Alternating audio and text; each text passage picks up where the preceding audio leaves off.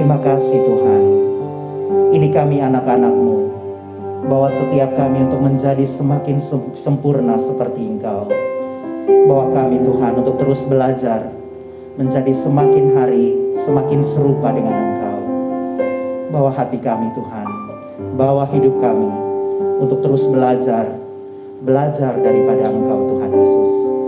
Mari berbicara kepada setiap anak-anakmu seperti Bapa berbicara kepada anak-anaknya. Ajar kami Tuhan, kami siap untuk mendengar. Di dalam nama Yesus, kami berdoa, kami bersyukur kepada Bapa di surga. Haleluya. Amin. Beri kemuliaan buat Tuhan, Bapak Ibu Saudara.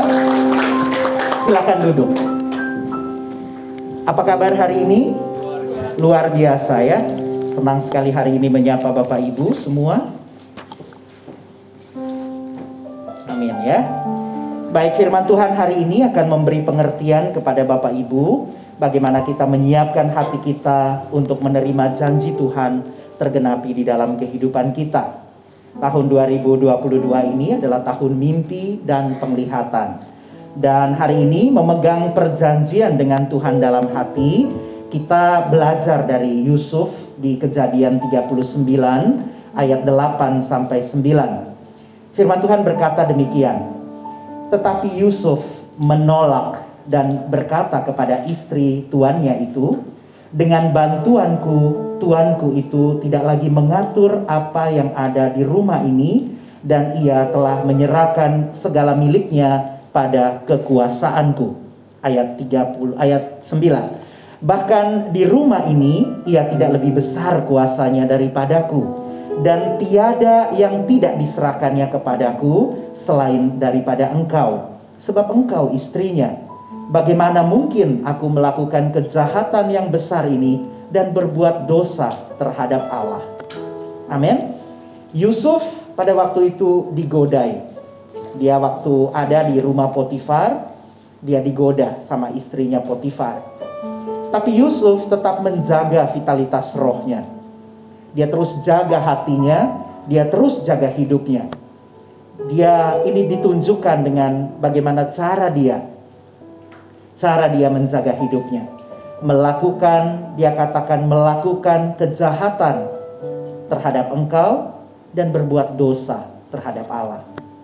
Jadi Bapak Ibu Saudara, jika kita kita rindu untuk mimpi tergenapi, terjadi di dalam kehidupan kita, kita perlu dengan sengaja menjaga hidup kita, menjaga hati kita.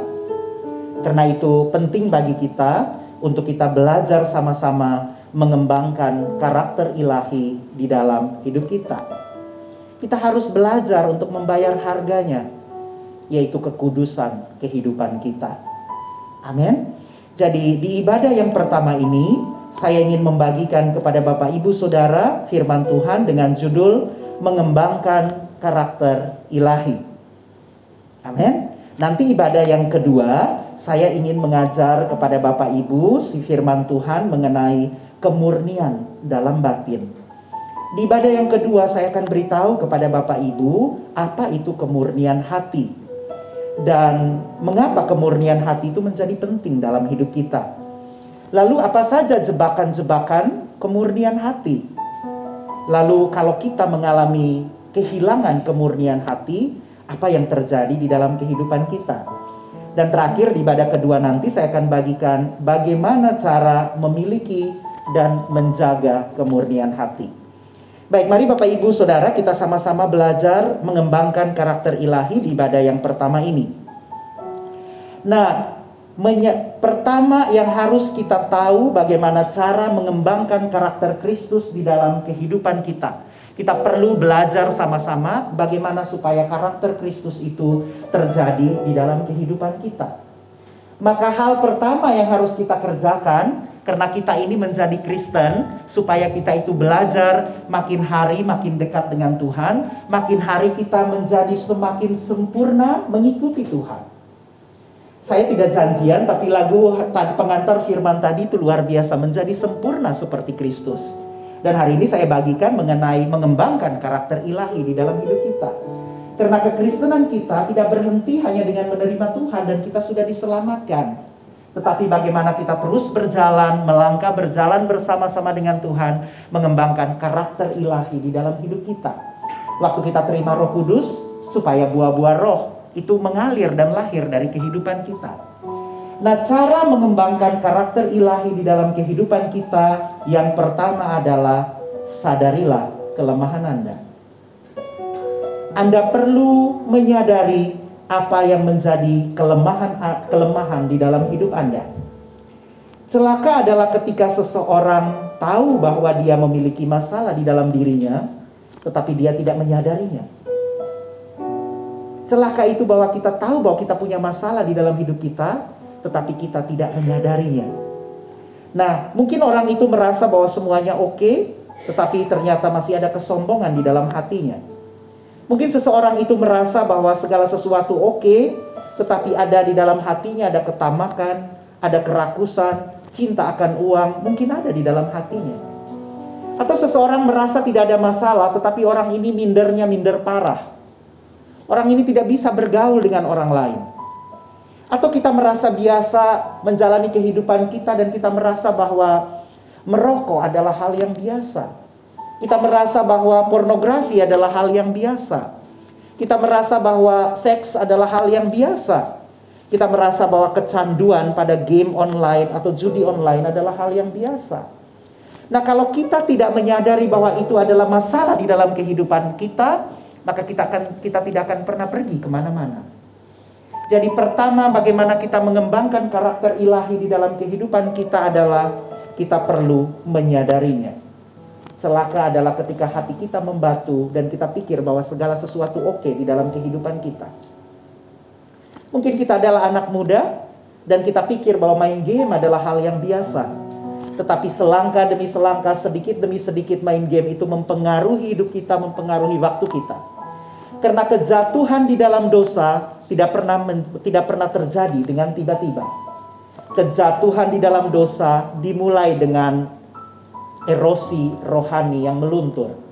Waktu kita tidak lagi cinta akan Tuhan. Waktu kita tidak lagi saat teduh, kita rasa itu adalah hal yang biasa.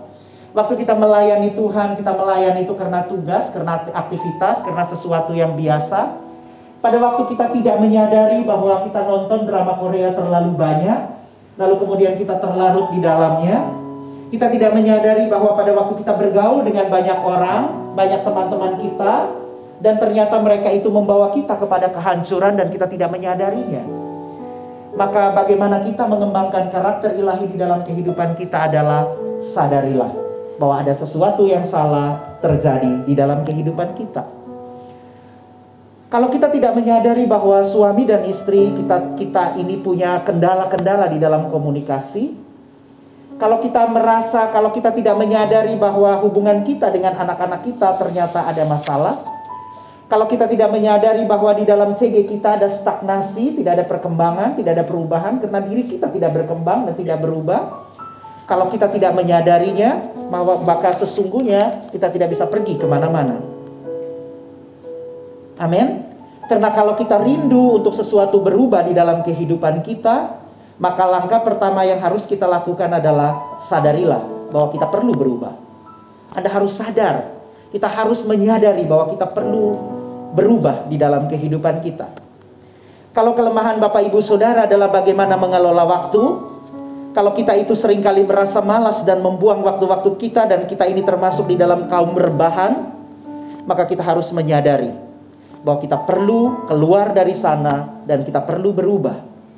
Kalau kita kalau kita ini adalah orang yang sulit untuk mengelola keuangan, kita boros, kita membeli segala sesuatu yang kita mau, yang kita inginkan, maka sadarilah bahwa kita perlu berubah. Jika kelemahan kita adalah hal-hal yang berhubungan dengan seks, pornografi, seks bebas, kita sulit untuk mengontrol gairah seksual di dalam kehidupan kita kalau kita ini orang-orang muda, maka sadarilah bahwa ada sesuatu yang terjadi, ada sesuatu yang salah terjadi di dalam kehidupan kita. Karena mengontrol hormon di dalam hidup Anda anda mengontrol urapan Tuhan di dalam hidup Anda. Seberapa besar Tuhan mau memakai Anda, anak-anak muda, tergantung dari bagaimana Anda mengontrol dan menjaga hormon di dalam tubuh Anda. Tidak peduli Anda pria atau Anda wanita. Ada waktu-waktu tertentu hormon itu akan mengelola mengatur hidup Anda dan Anda sulit kalau Anda tidak sulit kalau Anda tidak pandai untuk mengontrolnya, maka Anda bisa terjerumus di dalamnya. Maka hilanglah pemakaian Allah dalam hidup Anda. Anda harus dengan sengaja menjaga hormon, menjaga urapan. Kalau kita orang tua, duduk dengan anak-anak Anda dan bicarakan tentang seks kepada mereka. Jangan sampai media dan media sosial mengajar mereka tentang seksualitas. Ajar mereka dari sejak kecil. Bicara dengan mereka sejak dari kecil. Amin. Jadi kalau kita merasa bahwa kebiasaan-kebiasaan buruk seperti merokok kecil-kecil, merokok sedikit-sedikit, lalu lama-lama nanti jadi narkoba. Kalau kita merasa bahwa membuang waktu adalah hal biasa, rebahan adalah hal yang biasa, bangun pagi malas, tidur sebentar lagi, mengantuk sebentar lagi, lalu mimpi Anda mau menjadi pengusaha sukses, Anda tidak akan pernah ke mana-mana. Anda tidur terlalu lama. Kalau Anda merasa Anda ingin bertumbuh, Anda ingin berbuah, hidup Anda dipakai oleh Tuhan, lalu Anda tidak pernah memberi diri Anda untuk mengalami ketaatan, mengerjakan ketaatan yang pertama untuk memberikan diri Anda untuk dibaptis. Kalau Anda tidak mau mengikuti kelas-kelas My Spiritual Journey, kelas yang diberikan kepada Anda untuk memperlengkapi Anda. Atau kalau Anda tidak mau ikut kelas-kelas Connect Group Training, lalu Anda berharap Tuhan memakai hidup Anda, Anda tidak akan pernah ke mana-mana. Anda tidur terlalu lama. Anda perlu bangun. Amin. Karena kalau kita mau sesuatu terjadi di dalam hidup kita, kita perlu sadar bahwa kita perlu mengalami perubahan di dalam hidup kita. Amin. Karena kejatuhan itu tidak terjadi sekaligus. Kejatuhan itu terjadi perlahan-lahan, terjadi pelan-pelan di dalam hidup kita. Anak muda, orang tua, para suami dan istri, kalau kita tidak lagi mencintai rumah Tuhan, ke mana lagi kita akan pergi? Kalau kita tidak lagi mencintai komunitas rohani kita, kalau kita menjauh dari kehidupan komunitas rohani kita, kita tidak berapi-api lagi datang ke CG, lalu komunitas yang mana yang Anda akan ikuti? Kalau Anda tidak menjaga pergaulan Anda, maka dunia akan menjangkau Anda. Saya mendorong Anda, jangan pergi jauh-jauh, ada di sekitar CG, ada di sekitar rumah rohani, supaya Anda bisa terpantau, supaya Anda bisa terlihat. Karena kejatuhan Anda itu terjadinya tidak tiba-tiba. Amin. Tidak ada satu gadis terus tiba-tiba kita lihat, loh, kok udah hamil 8 bulan? Nggak pernah terjadi dengan tiba-tiba. Anda hamil 8 bulan karena pergaulan malam Anda. Karena Anda tidak menjaga hidup Anda. Anda tidak menjaga diri Anda. Anak-anak pria, Anda tidak bisa menghamili seorang gadis hanya dalam waktu satu, satu, satu dua hari. Anda mengerjakannya bertahun ber, ber, berbulan-bulan, berminggu-minggu, bertahun-tahun.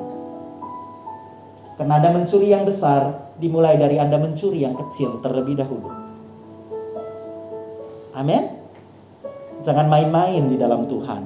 Firman Tuhan katakan, kalau mau dingin-dingin, kalau mau panas-panas, jangan separuh-paruh. Jangan suam-suam kuku. Kalau suam-suam kuku, aku akan memuntahkanmu dari mulutku. Kita nggak bisa main-main di dalam Tuhan. Anda, kita nggak bisa. Waktu-waktu kita ini terlalu sempit. Anda nggak bisa lagi main-main. Anda suka-suka pergi-pergi. Tuhan nggak mau diduakan ya. Sama seperti bapak ibu saudara kita yang menikah, kita nggak mau dimadu. Amin. Kita nggak mau apa pergi ke mana suka suka suka terus datang lagi. Kita nggak mau. Tuhan juga nggak mau aku mengingini engkau dengan cemburu kata Tuhan.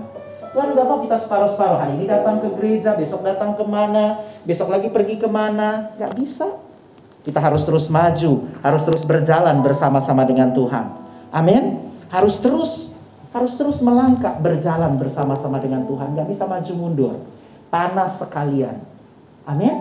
Sadari ya, sadari bahwa kalau kita punya kekelemahan, kalau kita punya kekurangan, sadari dalam diri kita bahwa kita membutuhkan Tuhan di dalam kehidupan kita. Nah, kalau kita tidak menyadarinya, Tuhan juga tidak membiarkan kita sendirian. ada caranya, bagaimana caranya supaya kita menyadari bahwa ada sesuatu yang kita butuhkan di dalam kehidupan kita. Bagaimana Tuhan membuat Anda sadar? Amin. Ada beberapa hal di mana Tuhan bisa membuat kita sadar. Yang pertama, Tuhan akan membuat kita sadar melalui kebenaran firman Tuhan. 2 Timotius 3 ayat 16 berkata, Segala tulisan yang diilhamkan Allah memang bermanfaat untuk mengajar, untuk menyatakan kesalahan, untuk memperbaiki kelakuan, dan untuk mendidik orang dalam kebenaran. Amin. Tuhan Tuhan akan membuat kita menjadi sadar dengan mengajar kita melalui firman Tuhan, menyatakan kesalahan kita melalui firman Tuhan, memperbaiki kelakuan di dalam hidup kita ini melalui firman Tuhan, mendidik orang dalam kebenaran firman Tuhan. Tuhan akan berbicara kepada kita untuk menyadari kesalahan kita melalui pembacaan Alkitab kita. Karena itu kita harus rajin baca Alkitab. Amin. Rajin baca karena Tuhan akan menegur kita melalui di dalam firman Tuhan itu. Tuhan akan menyatakan kesalahan-kesalahan di dalam hidup kita melalui firman Tuhan. Jadi lebih banyak baca firman Tuhan. Anda mau jadi pintar, Anda mau jadi sukses, Anda boleh beli macam-macam buku yang bisa membuat Anda lebih pintar. Tapi permulaan hikmat ialah takut akan Tuhan. Amin. Jangan sembarang beli buku. Jangan sembarang baca. Jangan sembarang dengar seminar orang. Amin. Ada satu yang paling utama. Saya katakan ini bukan berarti bahwa Anda tidak perlu belajar buku apa pun selain Alkitab. Tapi saya ingin katakan bahwa tempatkan Alkitab di tempat yang pertama sebelum buku-buku yang lain. Tempatkan firman Tuhan lebih utama, lebih tinggi daripada Anda mendengarkan seminar dari mana pun juga. Bahkan seminar di dalam gereja pun tidak semuanya itu memberi manfaat di dalam hidup Anda. Nanti Anda jadi stres sendiri. Ada beberapa hamba-hamba Tuhan mungkin mengatakan bahwa sekarang ini uh, zaman kasih karunia, nggak usah bawa persembahan, nggak usah bawa persepuluhan. Nah, lalu kemudian Anda bingung, sebetulnya saya itu perlu bawa persembelahan atau enggak sih? Bawa persepuluhan apa enggak sih? Nah makanya saya katakan tidak semua hamba Tuhan mengajarkan kepada Anda untuk bertumbuh di dalam Tuhan. Apalagi Anda baca buku-buku filsafat yang yang Anda juga tidak mengerti kebenarannya. Amin ya. Tuhan akan berbicara, menyatakan menyatakan sesuatu di dalam hidup Anda melalui firman Tuhan, menyadarkan Anda melalui firman Tuhan. Yang kedua, kalau Tuhan tidak kalau Tuhan sudah berbicara kepada Anda melalui firman Tuhan, tapi Anda masih mengeraskan hati, Tuhan akan Tuhan akan berbicara kepada Anda melalui ujian dan tekanan yang Anda alami. Yakobus 1 ayat 2 sampai 4 berkata demikian, Saudara-saudaraku, anggaplah sebagai suatu kebahagiaan apabila kamu jatuh ke dalam berbagai-bagai pencobaan.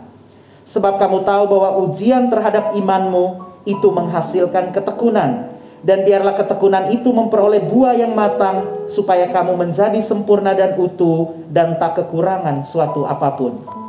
Amin. Bagaimana cara yang kedua supaya Tuhan menyadarkan bahwa ada sesuatu yang perlu berubah dari hidup Anda? Yang kedua adalah melalui ujian dan tekanan. Jadi Bapak Ibu Saudara, kalau kita mengalami ujian dan tekanan di dalam kehidupan kita, akan menghasilkan sesuatu yang murni di dalam kehidupan kita karakter kita dibangun, karakter kita dibentuk. Amin. Kalau kita mau keluarkan minyak jagung, kita harus press jagung itu sampai minyaknya keluar. Supaya kita mau melihat sawit itu betul-betul CPO-nya murni, dipres itu sawit dimasak itu tandan buah segar itu dimasak untuk menghasilkan CPO. Harus dipres. Hidup kita juga begitu. Kalau kita mau hidup kita ini murni, menghasilkan karakter-karakter ilahi di dalam hidup kita, maka kita perlu melewati ujian dan tekanan di dalam hidup kita. Yang ketiga, kalau kalau melalui firman Tuhan kita nggak dapat, melalui ujian dan tekanan kita tidak dapat, Tuhan akan mengirimkan orang-orang tertentu di dalam hidup kita untuk memberi kita teguran dan koreksi. Jadi cara Tuhan berbicara kepada kita membuat kita sadar berikutnya adalah melalui teguran dan koreksi. Amsal 10 ayat 17 berkata, siapa mengindahkan didikan menuju jalan kehidupan, tetapi siapa mengabaikan teguran tersesat. Amin. Anak muda, Kalau ada orang tua, pemimpin berbicara kepada Anda, pasang telinga Anda. Dengarkan. Oke? Jangan terlalu banyak bantah. Jangan terlalu banyak kata tapikan, tapikan, tapikan. Jangan terlalu banyak tapi. Dengarkan dan lakukan. Karena kalau Anda mengabaikan teguran, Anda tersesat. Amin. Tersesat di luar rumah, tersesat jauh. Amin. Yang berikutnya Tuhan berbicara kepada kita melalui kesalahan-kesalahan yang Anda buat. 1 Yohanes 1 ayat 9. Jika kita mengaku dosa kita, maka ia adalah setia dan adil sehingga ia akan mengampuni segala dosa kita dan menyucikan kita dari segala kejahatan. Amin. Bagaimana Tuhan membuat kita sadar berikutnya adalah melalui kesalahan-kesalahan yang kita lakukan. Sekali lagi jika kita mengaku dosa kita. Amin. Jadi kembali tadi kalau kita kalau ada sesuatu yang ternyata salah di dalam hidup kita, jangan sembunyi. Ayo datang kepada cegel leader, cegel leader, datang kepada pemimpin-pemimpin Anda, berbicara kepada para pemimpin-pemimpin Anda. Minta ada masukan, minta koreksi, minta sesuatu diajarkan di dalam hidup Anda. Kalau Anda jatuh, kalau Anda gagal, Ayo mari, jangan jangan sembunyi. Seperti Adam dan Hawa bersembunyi. Tuhan tahu bahwa mereka telah makan buah itu. Tuhan tahu persis bahwa mereka sudah makan buah terlarang itu. Hari itu Tuhan jalan-jalan, lalu Tuhan bilang, "Adam, Adam, di mana engkau?" Lalu Adam bilang, e, "Aku aku bersembunyi karena aku telanjang." Siapa yang beritahu kamu kamu telanjang? Ah, baru kemudian saling mempersalahkan orang yang kau tempatkan di tempatku ini, di sampingku ini yang menggoda aku untuk aku makan buah itu. Amin. Jangan sembunyi. Jadi kalau kita bikin salah, kita datang, datang kepada Tuhan pertama kali. Akui dosamu kata firman Tuhan. Maka ia akan setia adalah setia dan adil, ia akan mengampuni dosa kita. Dan yang kedua, datang kepada para pemimpin-pemimpin kita untuk memberikan koreksi, doa dan arahan. Kenapa Daud itu dicinta sama Tuhan? Daud itu ya, orang lain pergi berperang, Daud hidup santai, berada di soto rumah, itulah kenapa dia buat jatuh. Itulah kenapa saya dorong kepada setiap Anda jangan buat Anda santai. Kalau Anda bekerja, bekerja sedemikian. Kalau Anda punya usaha, kembangkan bisnis Anda ke kiri dan ke kanan. Kalau Anda sekolah, sekolah belajar dengan tekun. Karena waktu santai Anda membuat Anda jatuh. Lalu Anda pikir, kenapa kok saya bergumul dengan dosa yang ini lagi, ini lagi, ini lagi? Ya gimana enggak, kamu rebahan. Kamu nonton drakor, buka taruh handphone di kamar. Taruh TV gede, minta papi mami belikan TV yang gede gitu ya. Kalau ada 150 inci, beli yang 150 inci, taruh di kamar lalu bilang, kok bisa saya jatuh di dalam pornografi? Gimana enggak TVmu gede begitu, taruh di kamar. Orang tua, keluarkan TV anak-anak dari kamar Kumpulkan handphone, taruh di ruang tengah sebelum mereka masuk tidur. Amin. Amin anak-anak muda. Kenapa kita bergumul di situ-situ aja? Karena kita nggak mau pergi ke mana-mana. Karena kita mau terus di sana. Amin. Jadi melalui kesalahan-kesalahan kita, Tuhan menegur hidup kita. Yang berikutnya, yang terakhir Tuhan berbicara kepada kita bukan akhir dari firman ini ya. Kalian senang ya, akhirnya lebih cepat ya. Enggak, masih belum yang terakhir. Tapi yang terakhir bagaimana Tuhan berbicara kepada kita yang berikutnya.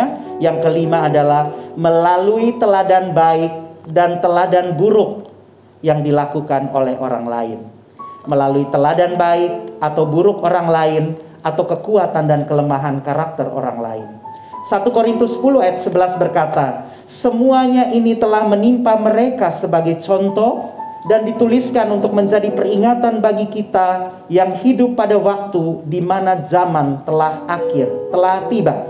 Ketika di mana zaman akhir telah tiba. Amin. Itulah kenapa banyak kisah-kisah di dalam Alkitab itu ditulis. Kisah keberhasilan, kisah kegagalan ditulis di sana supaya kita belajar kesalahan dan kegagalan orang lain. Nah kita juga bisa lihat banyak saya sering kali bicara kepada anak-anak muda. Anda lihat keluarga-keluarga, Anda lihat mereka berbahagia, mereka melewati banyak salib sampai dengan mereka kelihatannya mesra hari-hari ini. Karena banyak salib yang telah mereka kita bisa belajar salib apa yang mereka hadapi. Supaya Anda tidak perlu pikul salib-salib yang tidak perlu Anda pikul. Anda belajar dari orang tua Anda supaya Anda tidak pikul salib-salib yang tidak perlu Anda pikul. Anda diajari supaya hidup kudus. Anda diajari supaya mencari pertemanan yang kudus. Anda diajari supaya gaya hidup kudus. Supaya menjagai Anda, supaya tidak perlu pikul salib yang perlu Anda pikul kalau Anda salah dan gagal. Anda ditanyain, kamu temanmu siapa aja? Supaya kamu nggak nggak pikul salib yang berat yang harus kamu pikul. Supaya umur kamu masih supaya umur kamu belum genap 15, belum ter, belum genap 16, supaya kamu tidak hamil sebelum usia kamu 16. Amin. Kerja aja belum beres, gaya hidup bebas, sesuka hati, supaya kamu tidak pikul salib. Kenapa kita berbicara firman Tuhan keras dan tajam kepadamu? Supaya kamu tidak perlu pikul salib yang tidak perlu kamu pikul. Masih ada banyak salib-salib yang lain kamu harus pikul. Ngapain pikul salib yang aneh-aneh? Pikul aja salib. Melayani, pergi, doakan orang-orang, nangis buat jiwa-jiwa. Kontrakan air matamu buat Tuhan. Jangan kontrakan air matamu untuk untuk sesuatu yang gak penting. Andanya, anda, anda menangis buat satu gadis yang belum tentu baik laki-laki gagap, gagap perkasa begitu, nangis buat gadis-gadis yang gak penting, gadis-gadis yang tidak kenal Tuhan. Anda gadis-gadis gadis-gadis Allah yang luar biasa menangis buat laki-laki yang tidak bertanggung jawab. Ngapain nangis buat laki-laki yang tidak bertanggung jawab? Menangis itu buat jiwa-jiwa. Menangis itu waktu kamu ditolak gitu Tuhan, kenapa kok dia tolak kebenaran firman Tuhan? Kalau dia terima Tuhan Yesus, hidupnya akan lebih baik, nangis untuk itu. Jangan nangisnya untuk jiwa-jiwa. Jangan nonton drama Korea terus nangis. Aduh air matamu sayang air matamu. Angkat aja air mata itu jangan. Aduh Tuhan. Tuhan Yesus tolong. Nangis buat drama Korea, nangis buat uh, buat itu film India, nangis buat sinetron. Aduh, nangis Nangis itu buat jiwa-jiwa ya. Tuhan, kenapa yang ini belum selamat? Kenapa saya mau ke sana? Saya mau menangkan dia. Menangis itu buat jiwa-jiwa. Para pemimpin menangis itu waktu kamu dikecewakan. Kamu kamu menangis itu di dalam Tuhan. Amin. Siapkan hati untuk kita banyak kecewa. Amin ya. Siapkan hati. Kalau kita pemimpin, kita akan jalan di depan dan kita sendirian ada di sana. Pada waktu kita sendirian ada di sana, saya sudah beritahu Anda. Anda harus siap untuk sendirian. Karena ujian kepemimpinan adalah kesendirian dan kesepian. Musa naik sendirian di atas gunung dia sendirian di bawah orang lagi rame-rame bikin patung di bawah. Dia di atas sendirian bicara sama Tuhan. Ujian kepemimpinan adalah kesendirian. Bukan hanya ujian kepemimpinan di dalam gereja, di kantor juga Anda. Anda kalau jadi pemimpin di kantor, Anda Anda manajer di kantor, terus Anda berpikir bahwa habis Anda marahin orang, terus orang-orang datang rame-rame menghibur Anda, enggak. Anda kunci Anda tutup eh, kantor Anda lalu Orang di luar mereka lagi menikmati amarah Anda dan di dalam sendirian sama Tuhan. Anda sendirian. Anda tidak tidak pernah marahin orang lima menit lagi terus keluar ketawa-ketawa kan? Hehehe, tadi saya marahnya pura-pura kan enggak? Anda sendirian. Sendirian di sana. Itu salah satu ujian kepemimpinan. Kesendirian. Amin ya. Jadi Tuhan itu memberikan cara-cara tadi, ada lima cara-cara tadi itu untuk memberikan kesempatan kepada Anda untuk berubah. Amin. Tuhan itu mau memberikan kesempatan dan anugerahnya di dalam hidup kita untuk kita itu mengalami perubahan di dalam hidup kita. Amin ya. Tujuan Tuhan adalah supaya bukan mengekspos kesalahan kita. Tujuan Tuhan itu bukan untuk memberitahu kita bahwa oh kamu salah nggak ada guna lagi kamu. Enggak, Tuhan nggak pernah buat itu. Tuhan memberitahu kita bahwa kita membutuhkan perubahan di dalam hidup kita untuk membebaskan dan mengubahkan hidup kita. Amin. Anda mau dibebaskan? Anda mau dipulihkan? Jangan menutup diri dan bersembunyi. Lima hal tadi akan mengajar Anda. Karena Tuhan berbicara kepada Anda. Amin. Belajar sesuatu. Jadi langkah pertama mengembangkan karakter ilahi di dalam hidup kita adalah sadarilah. Sadarilah, itu yang paling penting. Sadari apa? Sadari bahwa kita ini punya kelemahan. Amin ya. Yang kedua, bagaimana kita mengembangkan karakter ilahi di dalam hidup kita adalah yang kedua, terbuka dan berserah terhadap pekerjaan Roh Kudus. Anda tidak bisa melakukannya dengan kekuatan Anda sendiri. Untuk berubah, Anda butuh terbuka dan berserah kepada Roh Kudus. Amin. Jadi, setelah Anda menyadari Anda perlu terbuka dan berserah pada pekerjaan Roh Kudus, Anda perlu berhenti untuk menggunakan kekuatan Anda sendiri dan bersandar kepada kekuatan Anda sendiri, kepintaran Anda, pengalaman Anda, atau koneksi-koneksi Anda. Anda perlu betul-betul bergantung dan berserah kepada Roh Kudus. Karena Roh Kuduslah yang menghasilkan karakter Kristus di dalam hidup Anda. Kenapa namanya buah-buah roh? Karena hasil daripada pekerjaan roh kudus, makanya namanya buah roh. Kok bisa kita sebutnya buah roh? Karena itu adalah sebuah hasil dari roh. Kalau kita undang roh kudus dalam hidup kita, maka roh kudus itu akan menghasilkan buah-buah di dalam kehidupan kita. Nah itulah kenapa penting bagi kita untuk kita terbuka dan berserah. Nah karena itu akan membentuk karakter di dalam hidup kita. Jadi kalau roh kudus meminta kita untuk minta maaf kepada orang lain, karena Roh Kudus mau supaya membentuk karakter kerendahan hati di dalam hidup kita. Karena meminta maaf butuh kerendahan hati. Kalau Roh Kudus meminta Anda untuk bersyukur dalam ujian dan tekanan, karena Dia mau membentuk karakter kesabaran di dalam hidup Anda. Kalau Anda mau sabar, Anda perlu bersyukur di dalam segala ujian dan tekanan. Kalau Roh Kudus meminta Anda untuk rela memberi di tengah kekurangan, Anda sendiri nggak punya apa-apa, tapi Anda harus memberi persembahan, anda harus mengembalikan persepuluhan untuk mengembangkan karakter apa di dalam hidup Anda? Untuk mengembangkan karakter kemurahan hati. Tuhan akan meminta sesuatu dari hidup Anda untuk Anda rela memberi di tengah-tengah kekurangan supaya karakter kemurahan hati terbentuk di dalam hidup Anda. Amin.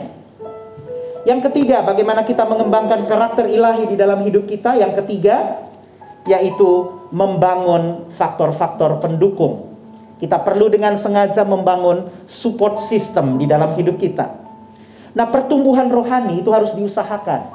Sekali lagi ya, pertumbuhan rohani itu harus diusahakan. Keselamatan itu diberikan kepada kita cuma-cuma Tuhan kasih kita keselamatan, tapi mengerjakan keselamatan itu butuh usaha, butuh upaya di dalam kehidupan kita.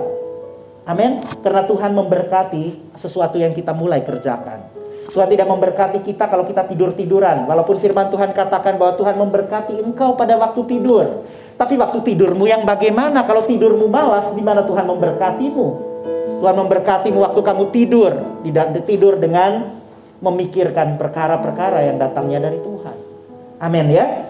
Jadi kita perlu dengan sengaja membangun support system di dalam kehidupan kita supaya kita ini bisa mengembangkan karakter Kristus di dalam kehidupan kita. Faktor pendukung apa saja yang mau kita bangun? Anda rindu untuk dekat dengan Tuhan, tapi Anda tidak pernah bangun saat teduh. Anda tidak pernah baca firman seperti yang tadi saya cerita. Anda tidak pernah mengisi pikiran-pikiran Anda, hati Anda dengan lagu-lagu pujian dan penyembahan.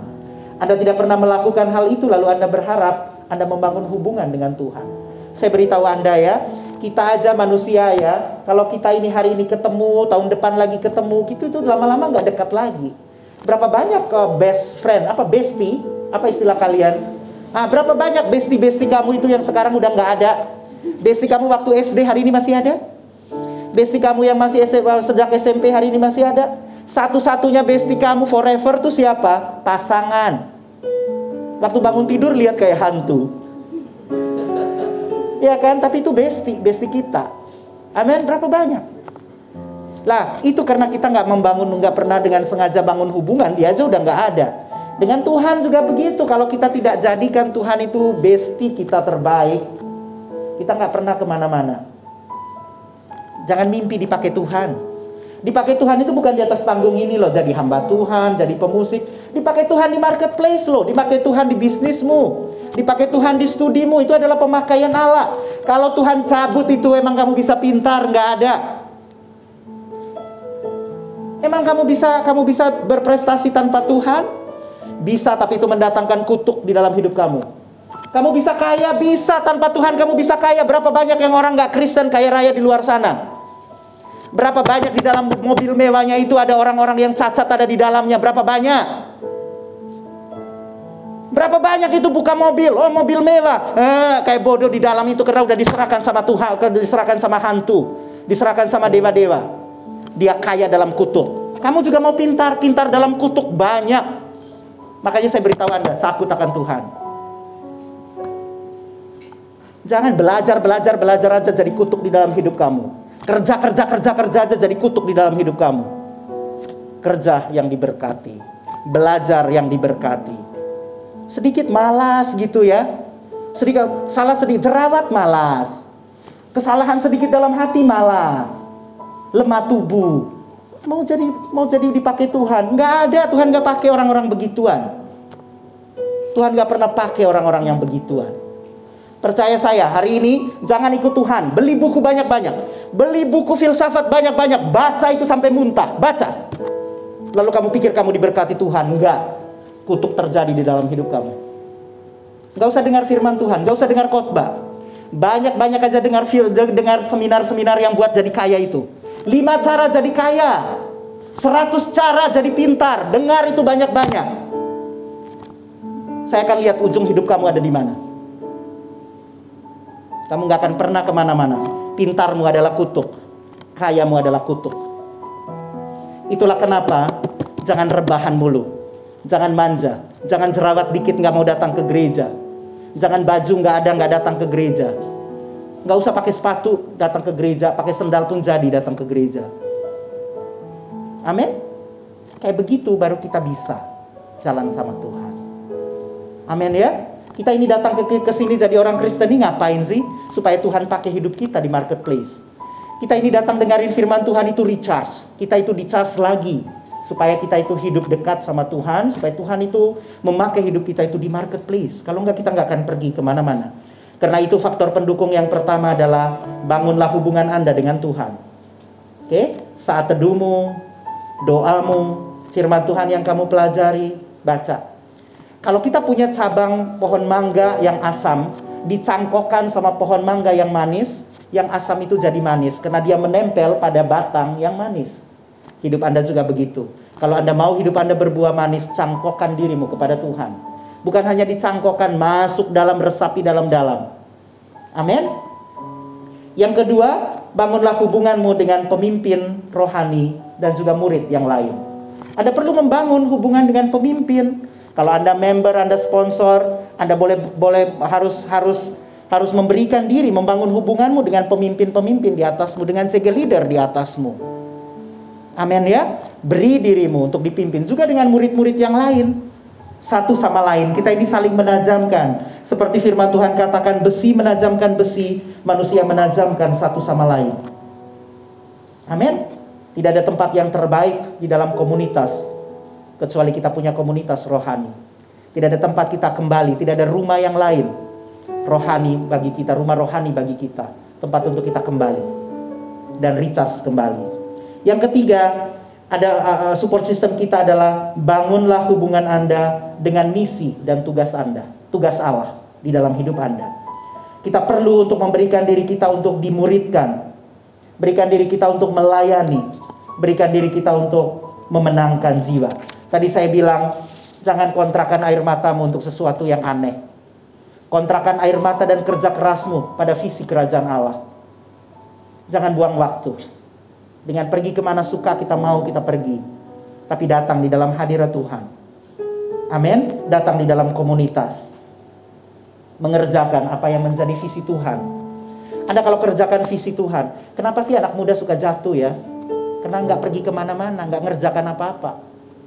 Kamu kamu kenapa banyak rebahan? Kamu karena kamu nggak mikirin jiwa-jiwa, kamu nggak pergi ke mana, kamu rebahan, rasa kayak hidup tuh udah cuman itu doang. Nah itu yang membuat kita tidak pergi ke mana-mana. Tapi coba kita kerjakan visi Tuhan. Telepon orang, doakan orang, konseling orang. Itu adalah hal-hal yang membuat kita terus ada di dalam sebuah support system. Amin. Hubungin orang, kunjungi, pergi makan sama seseorang, cerita tentang hidupnya, Jangan Anda mengasihani diri sendiri, nangis buat diri sendiri. Gak seru gitu. Nangis itu buat orang lain gitu. Anda menangis mengasihani diri sendiri, rasa kayak begitu-begitu. Amin ya. Jadi kalau Anda mengerjakannya berulang-ulang, mengerjakannya berulang-ulang, maka akan membuat kita itu bisa bertumbuh, berubah secara permanen di dalam hidup kita. Amin ya. Jadi bagaimana cara mengembangkan karakter ilahi di dalam hidup kita? Ada tiga poin. Satu, sadarilah kelemahan Anda. Amin. Ada lima hal bagaimana Tuhan menyadarkan kelemahan kita. Yang kedua, terbukalah dan berserah kepada pekerjaan Roh Kudus. Jadi kalau Tuhan mau membentuk hati kita seperti ini, kita alami seperti ini, maka akan menjadi seperti ini. Amin ya. Dan yang ketiga, bangunlah support system. Bangunlah faktor-faktor pendukung untuk mendorong kita untuk berubah. Anda mau berubah dari berjudi, tetapi kamu tinggal datang ngunjungin orang-orang yang berjudi. Terus saya nggak mau berjudi, tapi Anda dekat-dekat itu namanya bunuh diri gitu ya. Saya nggak mau lagi nonton uh, drakor, tapi di kamar bawa handphone taruh TV gede gitu ya. Uh, kayaknya yang ini bagus deh. Aduh, gimana ya dia ya? Gimana gitu ya. Lalu Anda terus pengen berubah, kita nggak ke mana-mana ya. Jadi firman Tuhan pagi ini mengajarkan soal bagaimana mengembangkan karakter ilahi. Amin ya. Nanti ibadah yang kedua mengenai kemurnian hati ya itu juga bagus sekali. Saya dorong Bapak Ibu untuk kita bisa datang sekali lagi dan dengarkan kebenaran firman Tuhan ya. Puji Tuhan. Bapak Ibu belajar sesuatu? Amin ya. Senang ya. Senang ya. Ada bagian-bagian tertentu ada penekanan-penekanannya ya. Itu bagus sekali ya. Mengoyakkan hati ya. Nah supaya sadar. Itu kan ya. Nah kadang-kadang orang tua juga tempeleng buat sadar karena bilang hei nyo gitu ya. Oh masih masih jauh gitu ya. Oh ini harus sepatu melayang dulu ini ya baru nanti sadar. Jangan sampai ya sepatu Tuhan kena dulu ya. Baru kita oh iya ya kita balik. Tuhan tuh penuh kasih.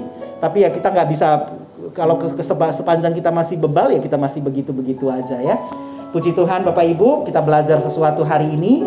Saya dorong untuk mari terus kembangkan karakter ilahi di dalam hidup Anda ya. Ya.